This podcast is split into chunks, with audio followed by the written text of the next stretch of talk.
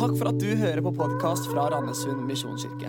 Denne talen er spilt inn på en av våre gudstjenester, og vår visjon er å hjelpe mennesker til tro på Jesus og et liv med Han. Gå inn på mkirken.no eller Randesund misjonskirke på Facebook for mer info. For noen få helger siden så tok vi en kjøretur hjem til besteforeldre. Vi hadde alle tre barna med oss i bilen, og det er en kjøretur som tar ca. 3 12 timer. Etter ca. en halv time så begynte minstemann på åtte år. Er det langt igjen? Vi sier ja, det er ganske langt igjen. Tre minutter seinere spør han er det langt igjen nå. Og det var det. Og så går det tre minutter til, så spør han nå da, er det langt igjen? Og dette holdt jo på med nokså fast rytme på sånn to til tre minutter. Og etter en time så er jo han enormt lei. Og han legger ut om at han hater å kjøre. Han vil aldri være med oss på tur igjen. Og selv om jeg er pastor, så sneik det seg inn en tanke hos meg om at det kan være vi aldri har lyst å ha deg med på en tur igjen. Kanskje vi skal bare sette deg av her og nå, og så kjører vi hjem. Men eh, det er jo noen filter på de tankene der. For han var det uendelig langt hjem. Altfor langt hjem. Og greia er at vi er i en eh, serie som heter 'Mens vi venter'. Og mens vi venter, så kan den ventetida virke altfor lang. Vi kommer aldri fram, vi kommer aldri i mål. Som Liverpool-supporter så vet jeg jo at det å vente på et nytt ligagull, det kan ta 30 år, det. Og det er ikke alle de åra som var like kjekke å vente. Når Gerard mister den avgjørende pasningen eller skuddet, det var ikke et kjekt år, og det har vært veldig mye. Men i dette tilfellet, den som venter på noe godt, venter ikke forgjeves. Det står i Bibelen, i ordspråkene kapittel 13, vers 12. Langvarig venting gjør hjertet sykt. Et oppfylt ønske er som et livets tre.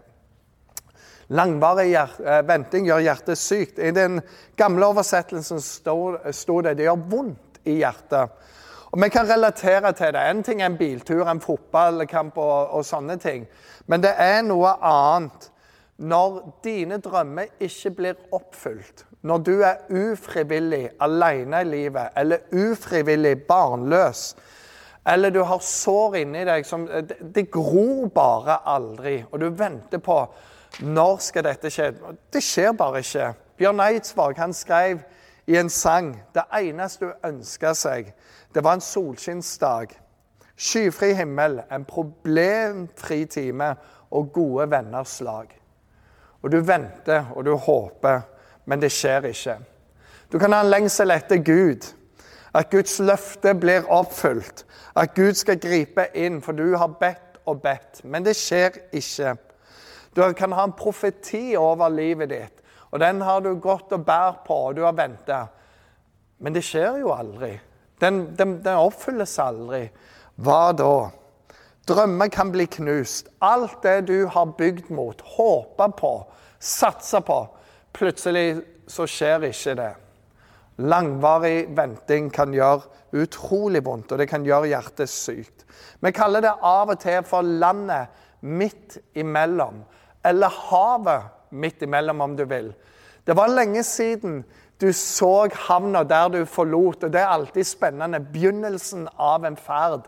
Det er sånn wow, eventyraktig. Og nå har du vært på havet lenge. Det er bare hav rundt deg. Du ser ikke havna du er på vei mot engang. For når du ser den, så skjer det noe. Men dette landet, eller dette havet som er midt imellom, der er frustrasjonen. Der er det mytteri. Der er sporet til alt annet. Du er frista til å gi opp, gjøre ting annerledes, og bare Det er veldig vanskelig. Det er det som er der. Langvarig venting gjør hjertet sykt. Vi ser dette i Bibelen i mange eksempler. F.eks. Abraham og Sara. En engel kom og sier dere skal bli foreldre. De var gamle folk. Så Sara hun lo når engelen var der. og Det er en ganske interessant reaksjon i seg sjøl. Det kommer jo aldri til å skje. Jeg er gammel, og mannen min er en gammel kar, så det skjer ikke med oss. Og så sier hun jo, men dere skal bli foreldre. Og de sa OK, det er Guds løfte, det er Guds profeti. Så de eh, tenker ja, ja, da får vi gjøre vår del av den profetien. Og ingenting skjer. Hun blir ikke gravid. Og de prøver og de prøver og de prøver. Det skjer bare ikke. Til slutt så tenker de nå må vi hjelpe Gud. Og Sara sier til Abraham du, jeg har jo ei trellkvinne her. Hun heter Hagar. Hva om du ligger med henne, så kan hun få barn i mitt sted? Abraham sier ja, ikke den verste ideen. Jeg er villig til å gjøre det. Jeg ofrer det som mann. Han ligger med hun, hun blir gravid. Og ifra Hagar merker hun er gravid, så skjer det en konflikt mellom hun og Sara.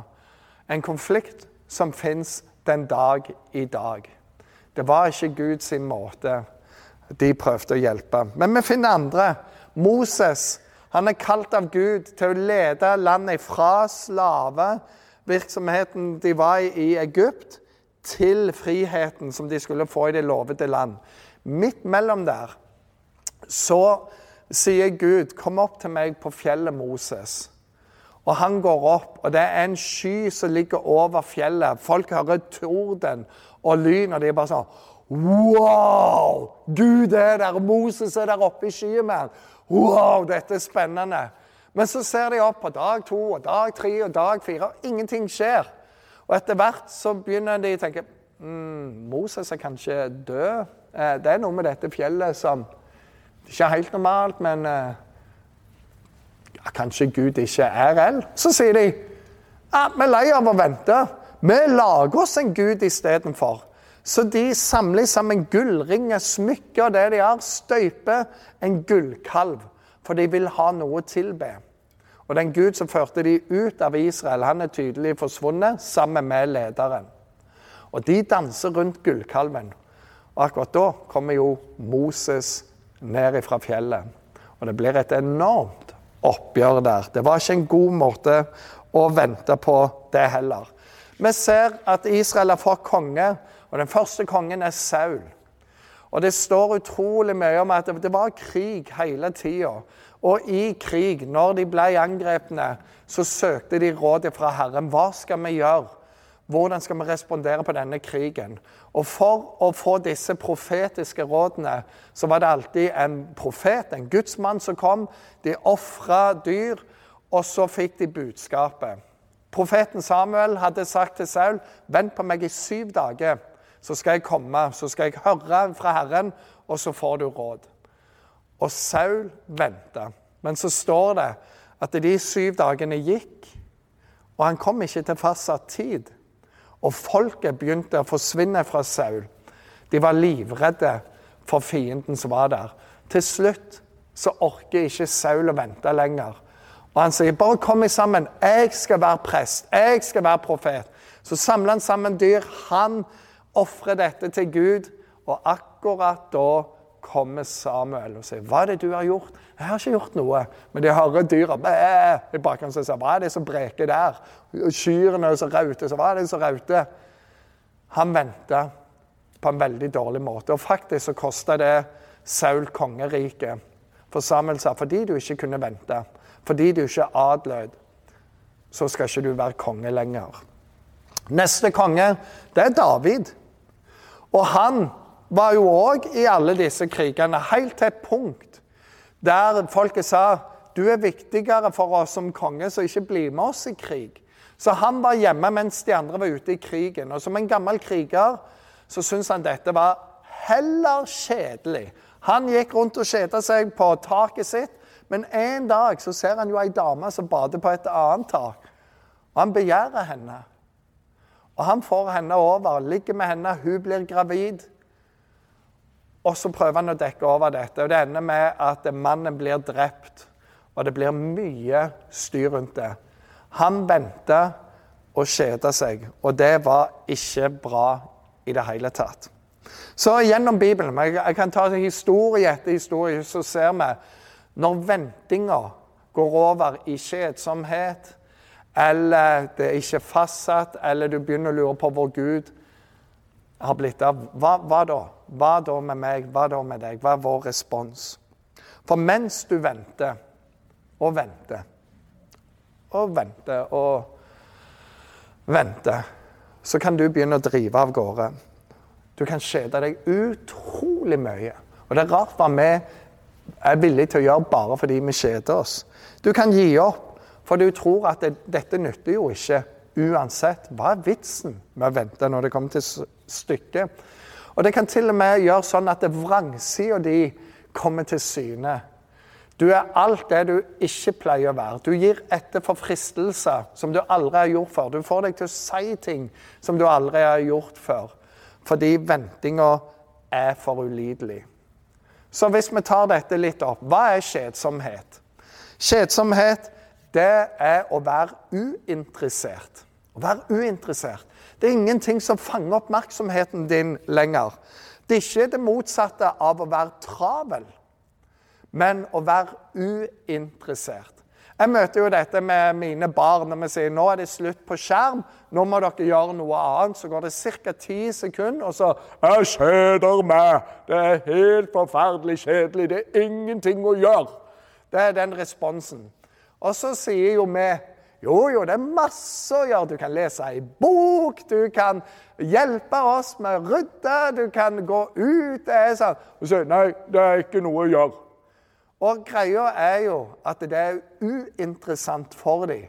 Det tar ikke noe tak inni dem, og derfor er det ikke et alternativ. Jeg kjeder meg. Og vi lever i en tid som er ekstremt individualistisk og selvopptatt. Selvopptattheten den gjør at eh, vi blir mer og mer interessert i oss og mindre og mindre i alle andre. Og veien til kjedsomhet den går mye raskere. Jeg finner liksom ikke gleden i noe lenger. Så hva forteller denne kjedsomheten oss, da? Jo, når vi når vi kjeder oss, så stiller vi på en måte dette spørsmålet hvor, hvor, er gleden egentlig? Hva er vitsen? Og våre vanlige filter de begynner gradvis å forsvinne. Og dette med å vente veldig lenge sånn, det kan gjøre at vi bare gir opp. Det er ikke vits i. Faren eh, er òg at du fòrer den kjedsomheten din med søppel. Akkurat sånn som når du vet at ah, jeg er litt lat, jeg er litt trøtt i kroppen, jeg burde ha trena litt. Så istedenfor å gjøre det, så begynner du å spise junkfood, det er chips og det er all slags sånne ting som gjør at du er mindre lysten på å begynne å trene. Sånn er det òg med kjedsomheten. Det gjør at eh, våre filter går ned. Og enkel underholdning, enkel stimuli, det er det enkleste å ta inn. Men det hjelper meg ikke. Og kjedsomheten kan ta en ny vending, for nå begynner jeg å drive av gårde istedenfor. Å drive av, gårde, det kan alle gjøre. Det er ingen som har en intensjon om å bare Det bare driver av gårde. Men det kan skje oss alle. Og det er noe med dette her jeg blir likegyldig. Eh, folk fra Haugesund sier 'jeg blir så gidda løs', vet du. Og det er noe med dette. Jeg orker ikke å ta tak. Gidder ikke. Avstanden mellom ideal og virkelighet virker altfor stor, så hvorfor prøve i det hele tatt? Og så kommer neglisjeringen. Jeg begynner å neglisjere ting som er viktig. Jeg neglisjerer engasjement jeg er med i. Jeg neglisjerer arbeidsplassen, arbeidsoppgaver, relasjoner, samlivet, gudsrelasjon. Alt det samme det ikke så viktig. Tar en pause. Per Arne Daland sa det det eneste som kommer av seg sjøl, det er forfallet. Resten må du jobbe aktivt for. Og Det som hindrer oss i å få dette eh, forfallet, det er disiplin. Disiplinen hindrer deg å drive av gårde, for du gjør noe, du jobber med noe. Du er i dette landet midt imellom. Du ser ikke havna du forlot, du ser ikke havna du er på vei, du er bare midt utpå der. Hva da? Da er det disiplinen, da er det arbeidsoppgavene, da er det disse praksisene som gjelder. Og Det er det eneste som hjelper her. Følelsene får du ikke hjelp av. For følelsene forteller deg mye, men du må forkynne til følelsene dine da. Du må ikke lytte til dem, men forkynne til dem. Og for min del så kjenner jeg dette landskapet veldig godt. Utrolig godt. Jeg liker å skape ting. Jeg liker når det er fart, når det er ting som står på, når det er travelt. Men livet består av utrolig mye venting. Og min overskrift for dette med venting og tålmodighet, det er kjedelig. Det er sånn det er inni meg. Og så i tillegg, da, så hadde jeg over to år der jeg var generelt nedstemt. Altså deprimert. Ingenting ga meg noe lykke. Ingenting betydde noe for eller mot eller til eller fra. Jeg var bare nedstemt. Og det var ingenting ytre forhold som gjorde det. Altså, Jeg har verdens beste kone og har verdens mest effektive kone i tillegg. Har verdens beste jobb, gode kollegaer, meningsfulle oppgaver. Har tre fantastiske barn. Jeg har et godt hus, jeg har bil. Har masse goder. Men alt var tomt. Jeg var nedstemt. Jeg eksisterte, men jeg levde ikke. Og det letteste i denne perioden, det var å la være. La være å bry meg. La være å gjøre noe. Og jeg kjente på tomhet. Våkne til en ny dag som er like tom som den andre. Hva er vitsen? Og jeg visste at eh, jeg kan ikke hente noe i følelsene mine. Og skal jeg følge følelsene mine, da blir det destruktivt. Så i over to år i det landskapet, hva gjorde jeg? For jeg visste jeg er nødt til å gjøre noe. Ellers så gjør dette mer med meg og med alle som er rundt meg, enn det som godt er for noen. Og jeg tok noen valg. Det første var det Jeg vet jeg kan ikke finne noe i følelsene, så jeg må jobbe med det jeg vet, selv om det føles tomt. Jeg må jobbe ut ifra hva sier Guds ord er sant. Det er sant. Og så visste jeg at det du investerer i, det får oppmerksomheten din, og det får verdi, om ikke umiddelbart, så etter hvert. Så jeg må fortsette å investere i relasjoner, i jobben, i mennesker som jeg egentlig er glad i, men jeg bare føler ingenting, for jeg er nedstemt. Det jeg gjør, har utrolig mye å si fordi jeg gjør det mot. Selv om det ikke føles det har noe å si til eller fra for min egen del. Så jeg må ikke gjøre ting for min del, men jeg må gjøre det fordi jeg vet det er riktig, og fordi jeg vet at det, gjør jeg gode ting, så høster det gode ting. Investerer jeg i barna, så har de det bra. Er jeg til stede for dem, så vil de få det bra. Jeg kan gjøre noe som gir verdi for dem, eller tar verdi ifra dem om å velge det, selv om jeg inni meg tenker ja, men det betyr ingenting, så vet jeg det betyr noe. Det er litt sånn som med bøndene som vet at uh, de kan ikke se at det regner i dag, at det var litt kaldt i dag. Er det sesong, så må du så kornet. Er det sesong, så må du plukke vekk steinen. Du må gjøre alt. For hvis du ikke gjør det, så får du ikke uh, høste når høsten kommer. Det handler ikke om følelser, det handler om arbeidet du gjør. Og dette måtte jeg lete langt inni for å finne, og måtte bare gjøre det. Stålsette meg. Det jeg gjør i dag, vil ha stor påvirkning på hvordan morgendagen blir. Så måtte jeg jobbe med å være til stede. Til stede for familien, vise interesse, bli med på ting og tang, selv om jeg ikke hadde lyst. For jeg hadde ikke lyst til noen ting. Si ja til det jeg føler nei for. Ja, jeg blir med på tur. Ja, jeg kan godt gjøre det. Ja, det er greit med reise der delta istedenfor å trekke meg. Trosse min egen lyst til å la meg drive fra alt og alle og gå aktivt inn for det som jeg ikke har lyst til. For tankemessig så var jeg en million mil vekke fra dette stedet her. Og så en annen ting. Ikke si hva jeg føler, men si det som tjener til å bygge opp. Jobbmessig, eh, vi er på mye seminar. Og i denne perioden alt var jo kjedelig. Alt var irrelevant og dårlig. Men hvis jeg hadde sagt det, så hadde det smitta alle andre òg. Og så har vi lært for lenge siden at du leter ikke etter en haug. Du leter etter én eller to ting du kan ta med. Så si den til de andre, og hold munn om resten. For det du gjør, vil bygge opp eller rive ned. Valget er mitt, samme hva jeg føler. Og så måtte jeg jobbe òg for å holde på de åndelige vanene. På Jæren sier vi det er jevna som drar. Det betyr det er jevne arbeid som teller. Bønn handler ikke primært om følelser. Bønn er arbeid. Det er litt sånn som hvis du skal grave ut ei renne for vannet skal komme der, så trenger ikke du føle noe som helst, men du må arbeide for å få den renna ferdig. Sånn er bønn òg.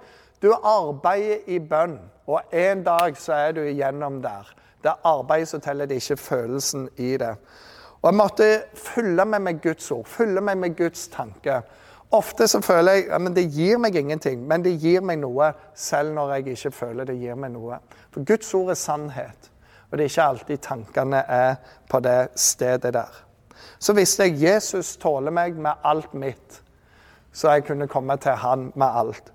Og så oppsøkte jeg det kristne fellesskapet. Hver søndag går jeg på møte. Og hvis jeg ikke kan, så er jeg på møte for det. Fordi det gjør noe med meg. Jeg tilhører dette kristne fellesskapet, koinonia. Det er noe vi har sammen, og vi får lov å bære hverandre. Jeg var på en helt annen plass i livet. Og jeg er ekstremt glad i dag for de valgene jeg tok inni det. Fordi du våkner på andre sida av det en dag. Og du bærer med deg konsekvensene av det du gjorde, på godt og vondt. Andy Stanley han sier det at et av livets prinsipper er dette. Den veien du går på, leder alltid en bestemt plass.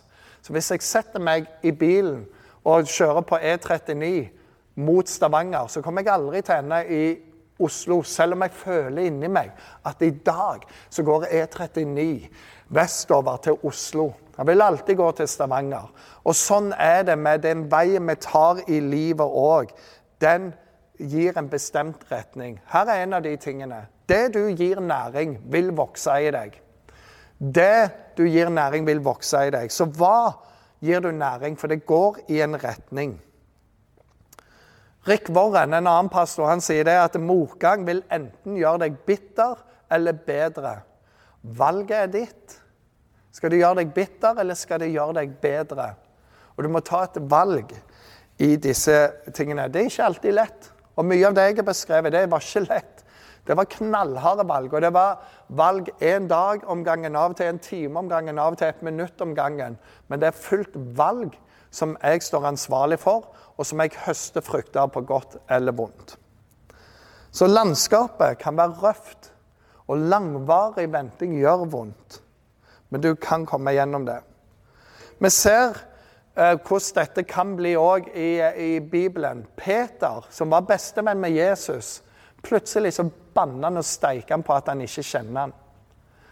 Når våre drømmer knuses, når vi ikke ser det, plutselig kan det komme ut ord som du aldri har tenkt at skulle komme ut av din munn.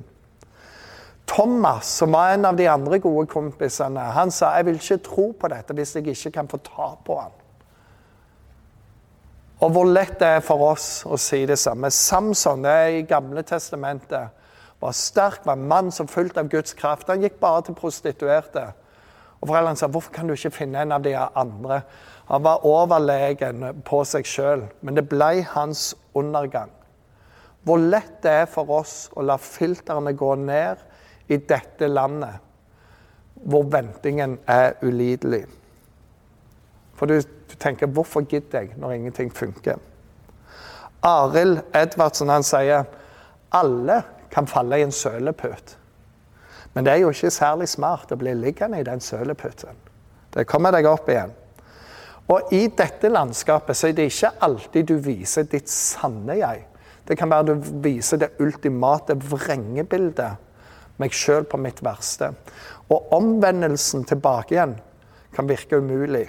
Men det her evangeliet kommer inn. Det står 'bevar hjertet ditt framfor alt du bevarer', for livet går ut ifra det. Om dine synder er som purpur, altså om de er bare mørke, kommer til Jesus, skal de bli hvite som snø. står i 1. Johannes 1,9.: Om vi bekjenner våre synder, så er Han trofast og rettferdig, så Han tilgir oss syndene og renser oss ifra all urett. Om du har kommet inn på en sånn vei, så må du snu ifra det. Du må komme til ditt sanne jeg. For der, når du leser ei bok, så er første kapittelet setter tonen. Masse interessant inni, men det avgjørende er det siste kapittelet. Hvordan ender boka? Hvordan ender denne historien om han eller hun?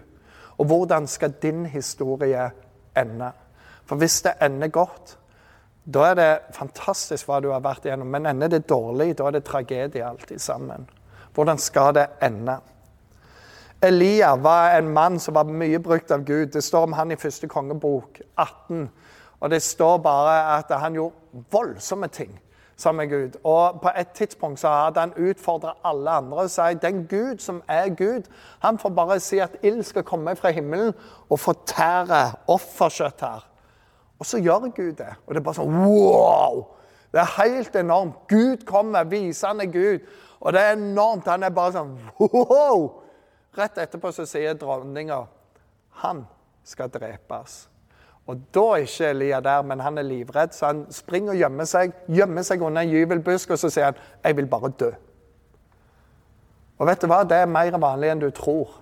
At det er Guds menn og Guds damer som har stått i sterke ting, kommer i anfektelse. Og de er så enorme, de anfektelsene, at du fort sier 'Jeg tror jeg bare vil dø'. Men mens han ligger der, så kommer en engel, og så sier engel til han, 'Stå opp og spis'. For ellers blir veien for lang for deg. Stå opp og spis. Sier det to ganger til han. Og så står han opp og spiser, og styrker maten så går han til fjellet Horeb, der han møter Gud og får et fornya eh, gudsforhold. Og budskapet er det samme til deg.